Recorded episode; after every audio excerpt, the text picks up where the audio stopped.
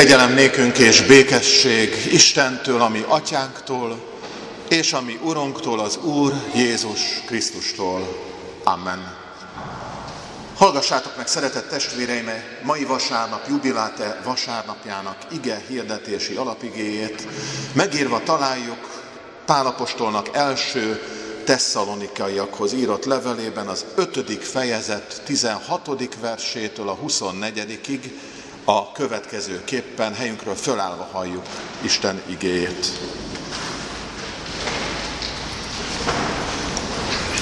Testvéreim, mindenkor örüljetek, szüntelenül imádkozzatok, mindenért hálát adjatok, mert ez Isten akarata Jézus Krisztus által a ti javatokra. A lelket ne olcsátok ki, a profétálást ne vessétek meg, de mindent vizsgáljatok meg, a jót tartsátok meg, a gonosz minden fajtájától tartózkodjatok.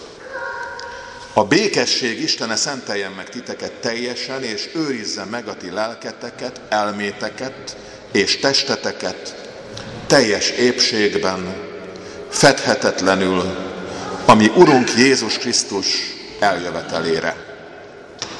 Hű az, aki elhív erre titeket, és ő meg is cselekszi azt. Amen.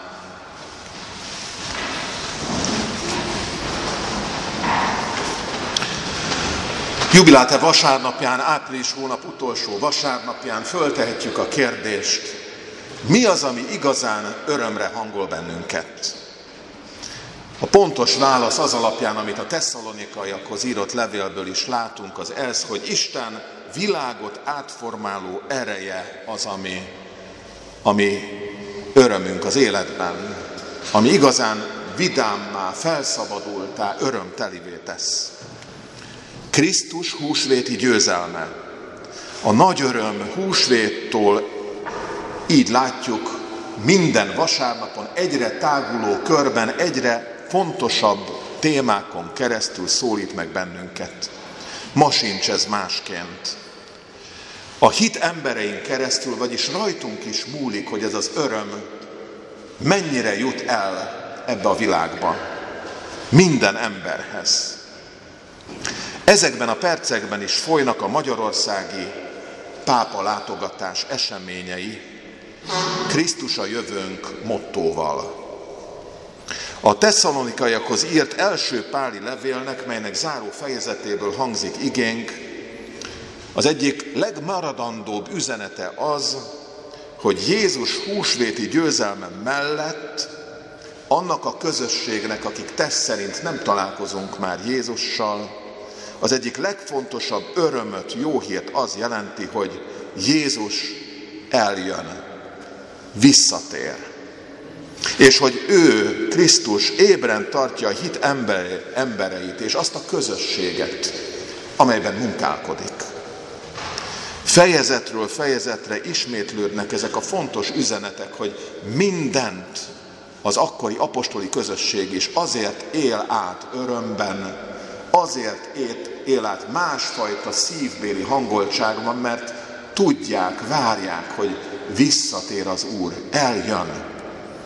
Akkor persze azt hitték, hogy még a saját életükben ez bekövetkezik, hogy ők tanúi lesznek, szemtanúi mindennek, és ahogy késett Jézus visszajövetele, talán lankadt is az egyház történetében ez az öröm, ez a felhangoltság.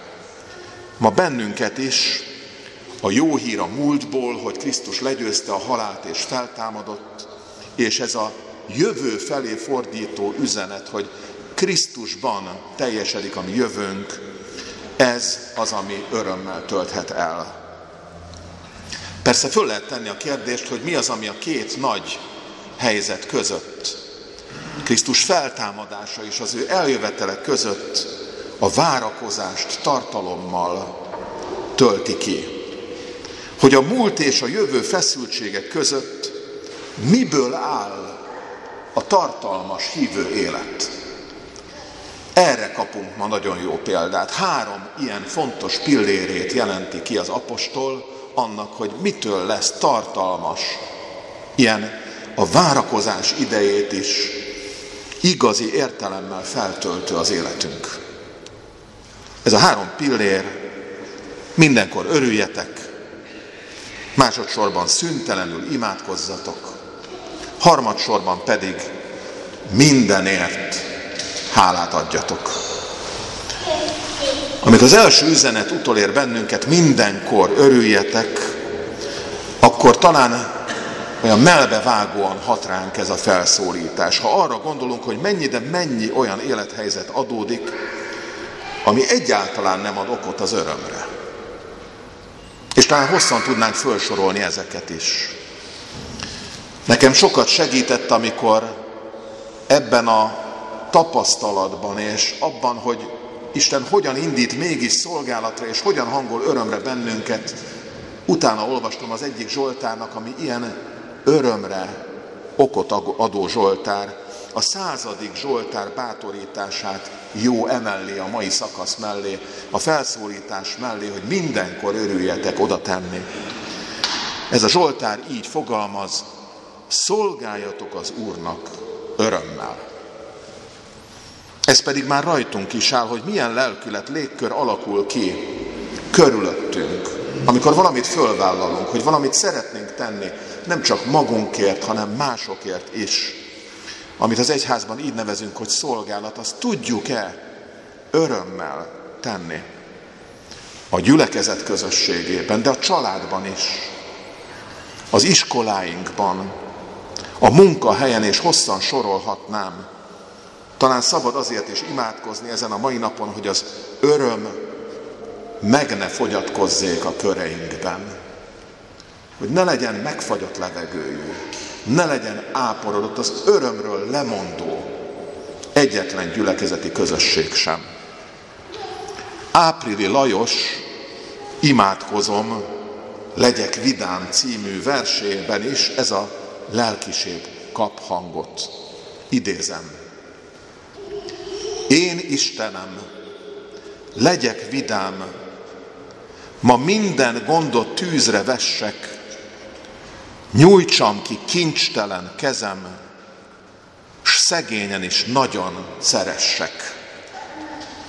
És valóban az elmúlt hét egyik legmeghatározóbb közösségi alkalma számomra is az volt, amikor a szomszédos Fasori gimnáziumnak a dísztermében együtt voltunk, mind a 600 diák, és a pódiumon ott ült az egyik lelkész kollégánk, németné Tóth Szilvia, aki valami hallatlan élet, bátorsággal és örömmel, és tulajdonképpen derűs hangulatban adott számot arról, hogy ő milyen módon szolgál naponta a gyermekonkológiai osztályon. A beteg gyermekek között, ahol elmondja, hogy nagyon sokaknak az életét meg tudják erősíteni, és több mint 80%-a ezeknek a gyerekeknek meggyógyul. De van 20% akik, akik elmennek, és idő előtt, és könnyek, és fájdalmak, és keserűség között, és mégis hogy lehet ott? Lelki gondozóként, Krisztus tanújaként, imáron lelkészként is biztatást, erősítést, üres tanácsok helyett valami örömteli lelkületet tovább adni. Fontos megélni az Isten és mások iránti haragunkat is hívta föl Szilvia ebben az előadásában, és elmesélte azt, hogy az első öt év, amit ezen az onkológiai osztályon töltött még Pécset, az mennyi haragot gyűjtött a lelkébe. És szinte úgy érezte, hogy kiég, nem tud tovább szolgálni. És kellett egy nagy út, egy camino, ahol ő szép, lassan, de nagyon tudatosan minden haragját elmondta az Úristennek. Talán ezen út nélkül a fájdalmas tapasztalatokat elmondó, a haragot felhozó út nélkül ma nem lenne ilyen derűs, élet, vidám, és másokat is támogató az ő szolgálata.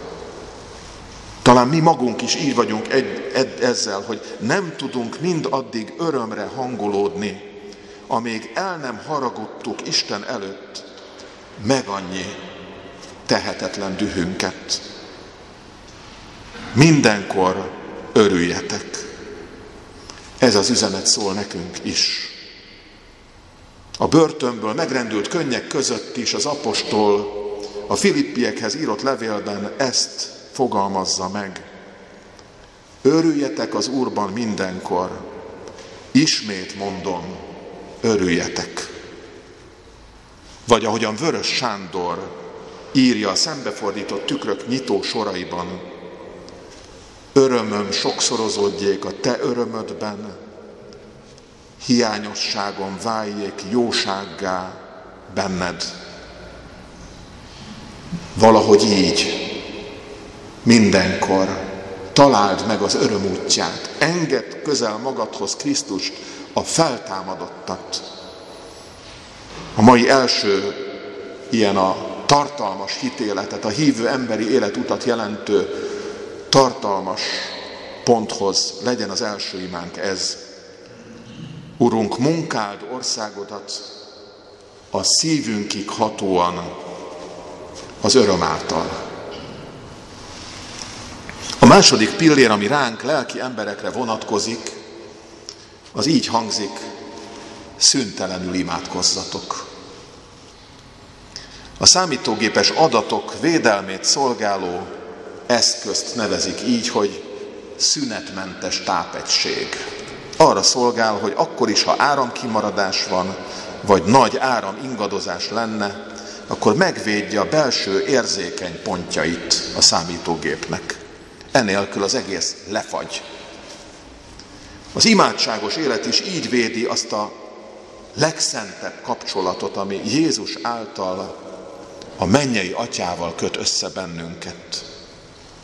Aki Krisztusban van, annak szünet nélkül van lehetősége az örökkévaló Isten elé tárni, hogy továbbra is mekkora szüksége van a hitre, az erőre, a szeretetre. Nem csak heti egy, vagy egy nagy ünnepi órában, nem csak egy-egy csendes pillanatban, amikor talán a nap menetében le tudunk lassítani, és valahogy egy lélegzetvétellel is feltöltekezni Isten előtti megállásban, hanem valójában szünet nélkül.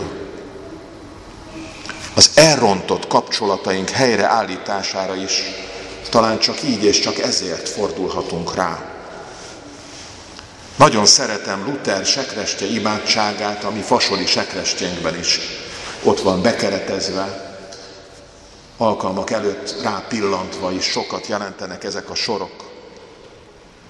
Használj eszközötként, csak el ne hagy, Uram, mert ha magamra maradok, hamarosan elrontok mindent. Szolgálat előtt, közben és után is. Mekkora szükségünk van erre a szünetmentes jelenlétre.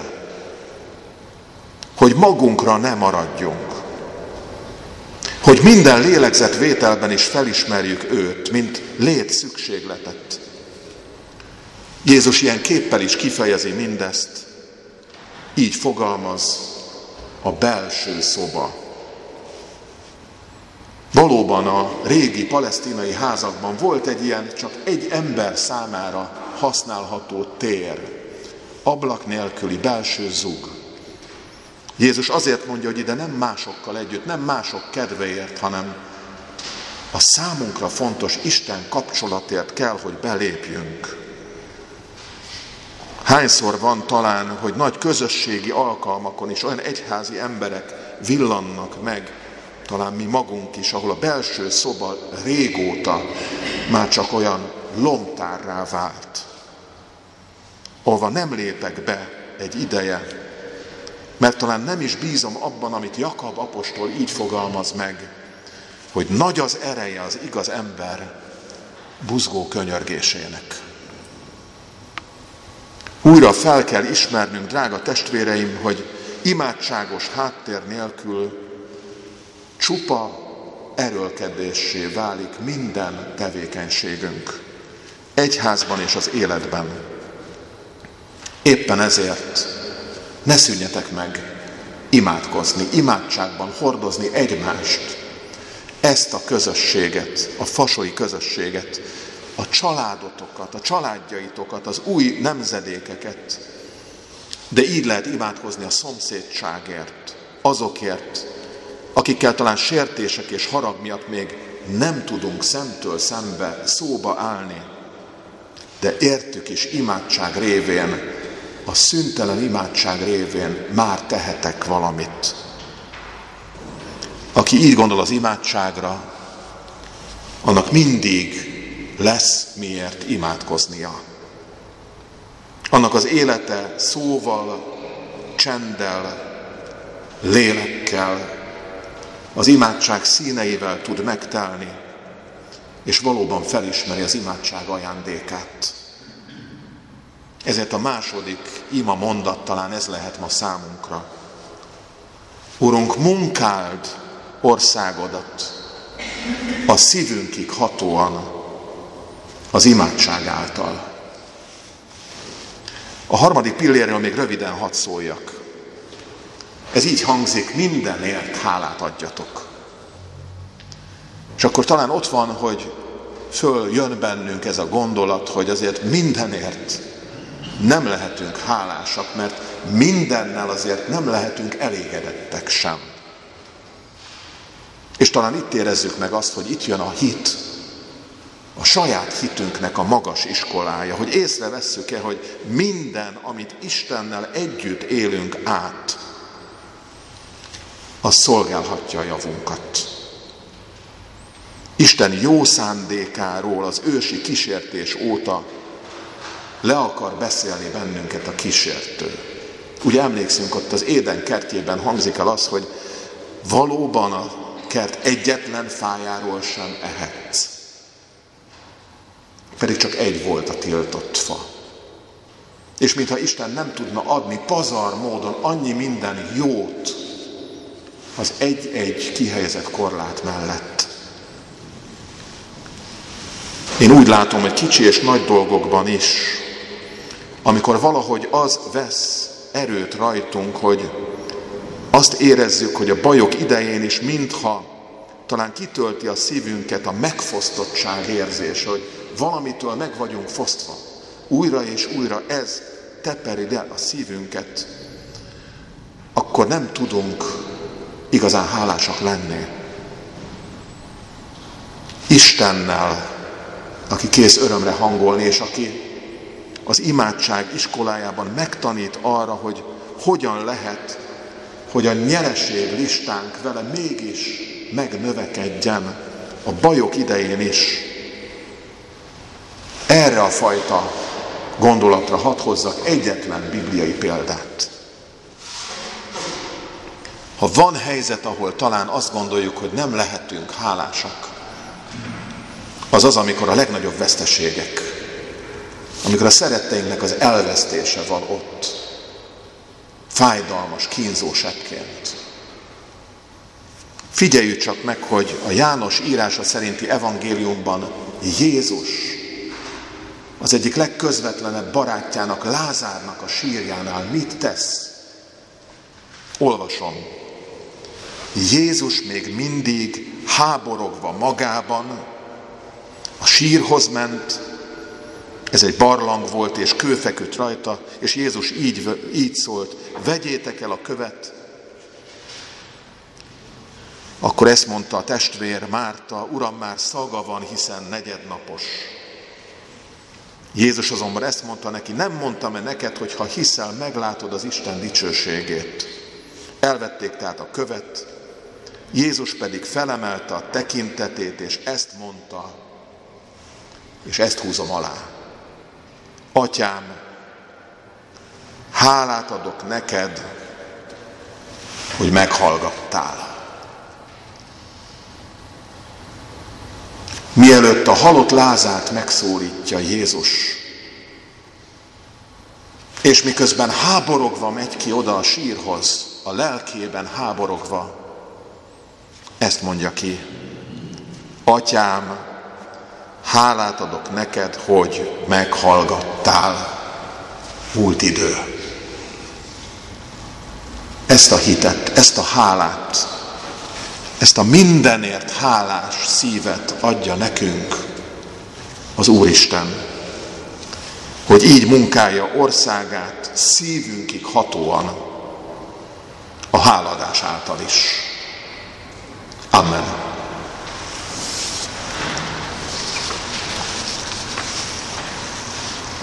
Urunk Istenünk, az öröm vasárnapján hálát adunk neked, hogy minden élethelyzetben tartalmat és tartást adsz életünknek. Hisz mellettünk állsz, hűséged nem hagy el, szereteteddel épp annyi örömöt adsz, amennyire szükségünk van a teljes életre. Ezért add azt a lelket, amely veled kapcsolódik, hozzád vágyakozik, és mindennel teljesedik. Tégy bennünket hálaadó, örvendező keresztényekké. Amen. Igénkre felületül a 364-es számú énekünk első verszakát énekeljük el.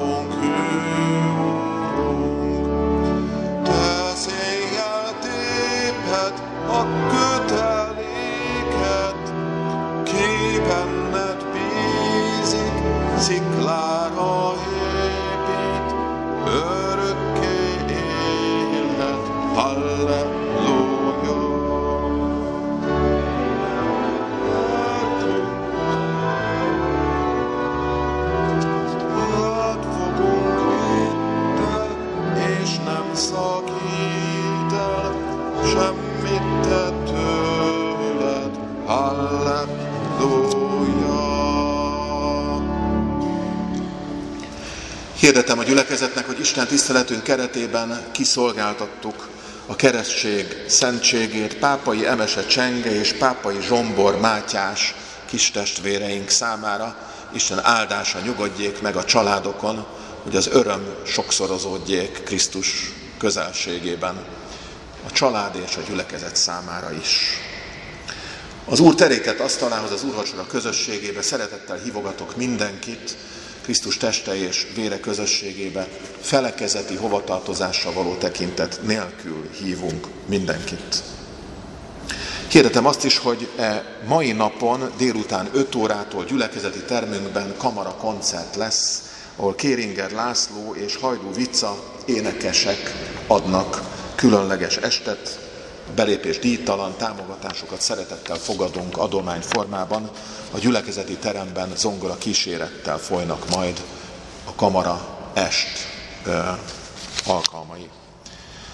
Hirdetem továbbá azt, hogy szerdán szokásos biblia, biblia órai sorozatunk folytatódik, három órától az emberi test és fogyatékosságai címmel keresztény etikai sorozatunk legújabb alkalma lesz. Szeretettel hívunk mindenkit erre az alkalomra. Gyülekezetünk ad helyet, lélekben készüljünk így erre a különleges alkalomra. Május 13-án az országos cigány missziós találkozóra, amely öt felekezet részvételével lesz majd templomunkban. A jövő vasárnapon pedig, május 7-én, anyák napján családi istentiszteletre hívogatunk 10 óra 15 perctől és 11 órától úrvacsorai istentiszteletre. A 10 óra 15-ös családi istentisztelet időpont kezdés szokatlan lehet számunkra. Ez nem anyák napja miatt van, hanem azért, mert május első vasárnapjától a fasori református gyülekezetet is fogadjuk templomunkban, és minden vasárnapos istentiszteleti alkalmaikra befogadva őket itt fognak összegyülekezni. Én kérem azt, hogy aki csak teheti, például ezért is imádkozzon, hogy ennek a együtt használt templom térnek az örömeit tudjuk megélni, és ne a surlódás, vagy a nehézség, vagy a problémák növekedjenek ezzel, talán a mi imádságainkon is múlik ez. Végül egy olyan programra hívogatunk, amely május hónap 20. napján lesz, ez szombatra esik, a missziói nap a déli egyház kerületben Soltvatkerten lesz, Dévai György másodfelügyelő testvérünk az, aki ezt a csoportot vezeti majd. Várjuk a jelentkezőket, jöjjünk minél többen erre az alkalomra, ahol a gyülekezet egy részével, 12 fiatallal amúgy mi Trostbergben, Bajor testvérgyülekezetünkben leszünk, de reméljük, hogy itt is minél többen részesei lehetnek ennek. Végül hadd hirdessem, hogy az elmúlt vasárnap persei pénze 28.970 forint volt. A szószéki szolgálatot követően ma is összegyűjtjük a felajánlásokat. Isten áldása legyen az adományokon és azok Isten tetszése szerinti felhasználásán. Végül Istennek békessége, mely minden értelmet meghalad, őrizze meg szíveinket, gondolatainkat, Krisztus Jézusban, feltámadott Urunkban. Amen.